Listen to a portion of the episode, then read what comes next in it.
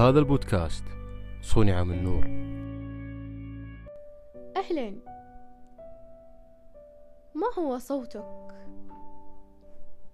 يمكن استغربت السؤال وهذا طبيعي ما لومك لأن لو جينا للحقيقة هل الصوت ما هي فعلا حتى يسأل عن نوعها؟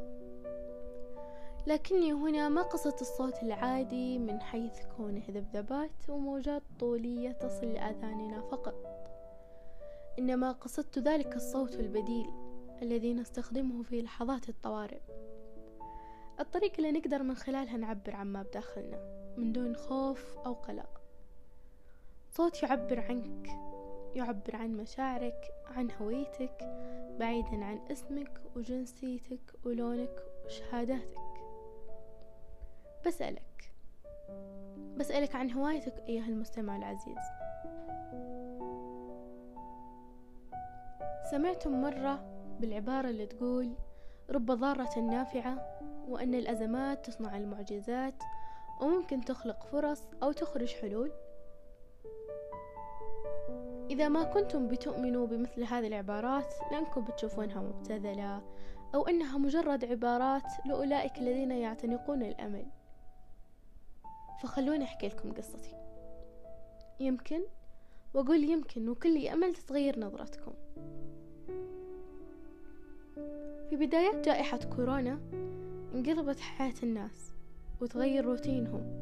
الدوام أصبح أقل المدارس توقفت تماما الكل صار في البيت.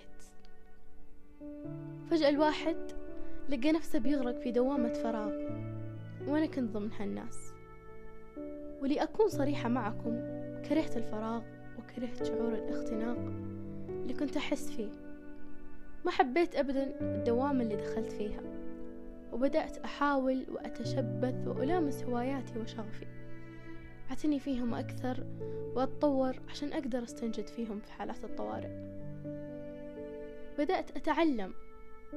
دخلت دورات وتعلمت هوايات وحرف جديدة. ملأت وقتي ويومي حتى انحصرت الدوامة تماما. ويوم بعد يوم اختفت وحل مكانها مشاعر جديدة. الحماس الشغف وحتى الحب. بعد ما خرجت لقيت عدد كبير ممن يعزون علي إنهم يعانون من فراغ الوقت. ناس جالسة تغرق وهي مو دارية. حسيت بالمسؤولية وأنه لازم أعلمهم أو على الأقل أرشدهم. كيف ينقذون أنفسهم؟ زي ما حاولت أنقاذ نفسي. وهنا ولد مهوى. هذه الفكرة التي خرجت من رحمة تجربة. وها هي تصبح واقعا وصوتا يسمع. مهوى حتى نتعلم وندرك أثر وأهمية الهوايات في حياتنا. وكيف ننمي الهواية وتصبح موهبة. وكيف يتحول الشخص من كونه هاون إلى كونه فنان. لذلك يا أصحاب الهوايات ويا من تحبون تعلموا كل جديد. جهزوا أدواتكم وصفوا أذهانكم واستعدوا ورانا رحلة طويلة.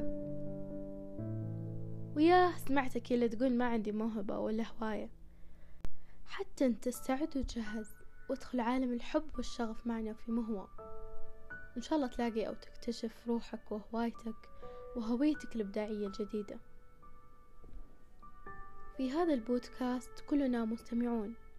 رح ننصت بكل حب لتلك المشاعر المتشكلة على هيئة رسمة أو نص أو تصميم أو زي مميز أو حتى صوتا موسيقيا يلامس مشاعرك. لأن كل ما صنع بحب يصل يصل إلى أعماق القلب ويستقر به متخذه مأوى له. كانت معكم رزان العسيري وهذا عالم مهوى قبس من الحب والفن.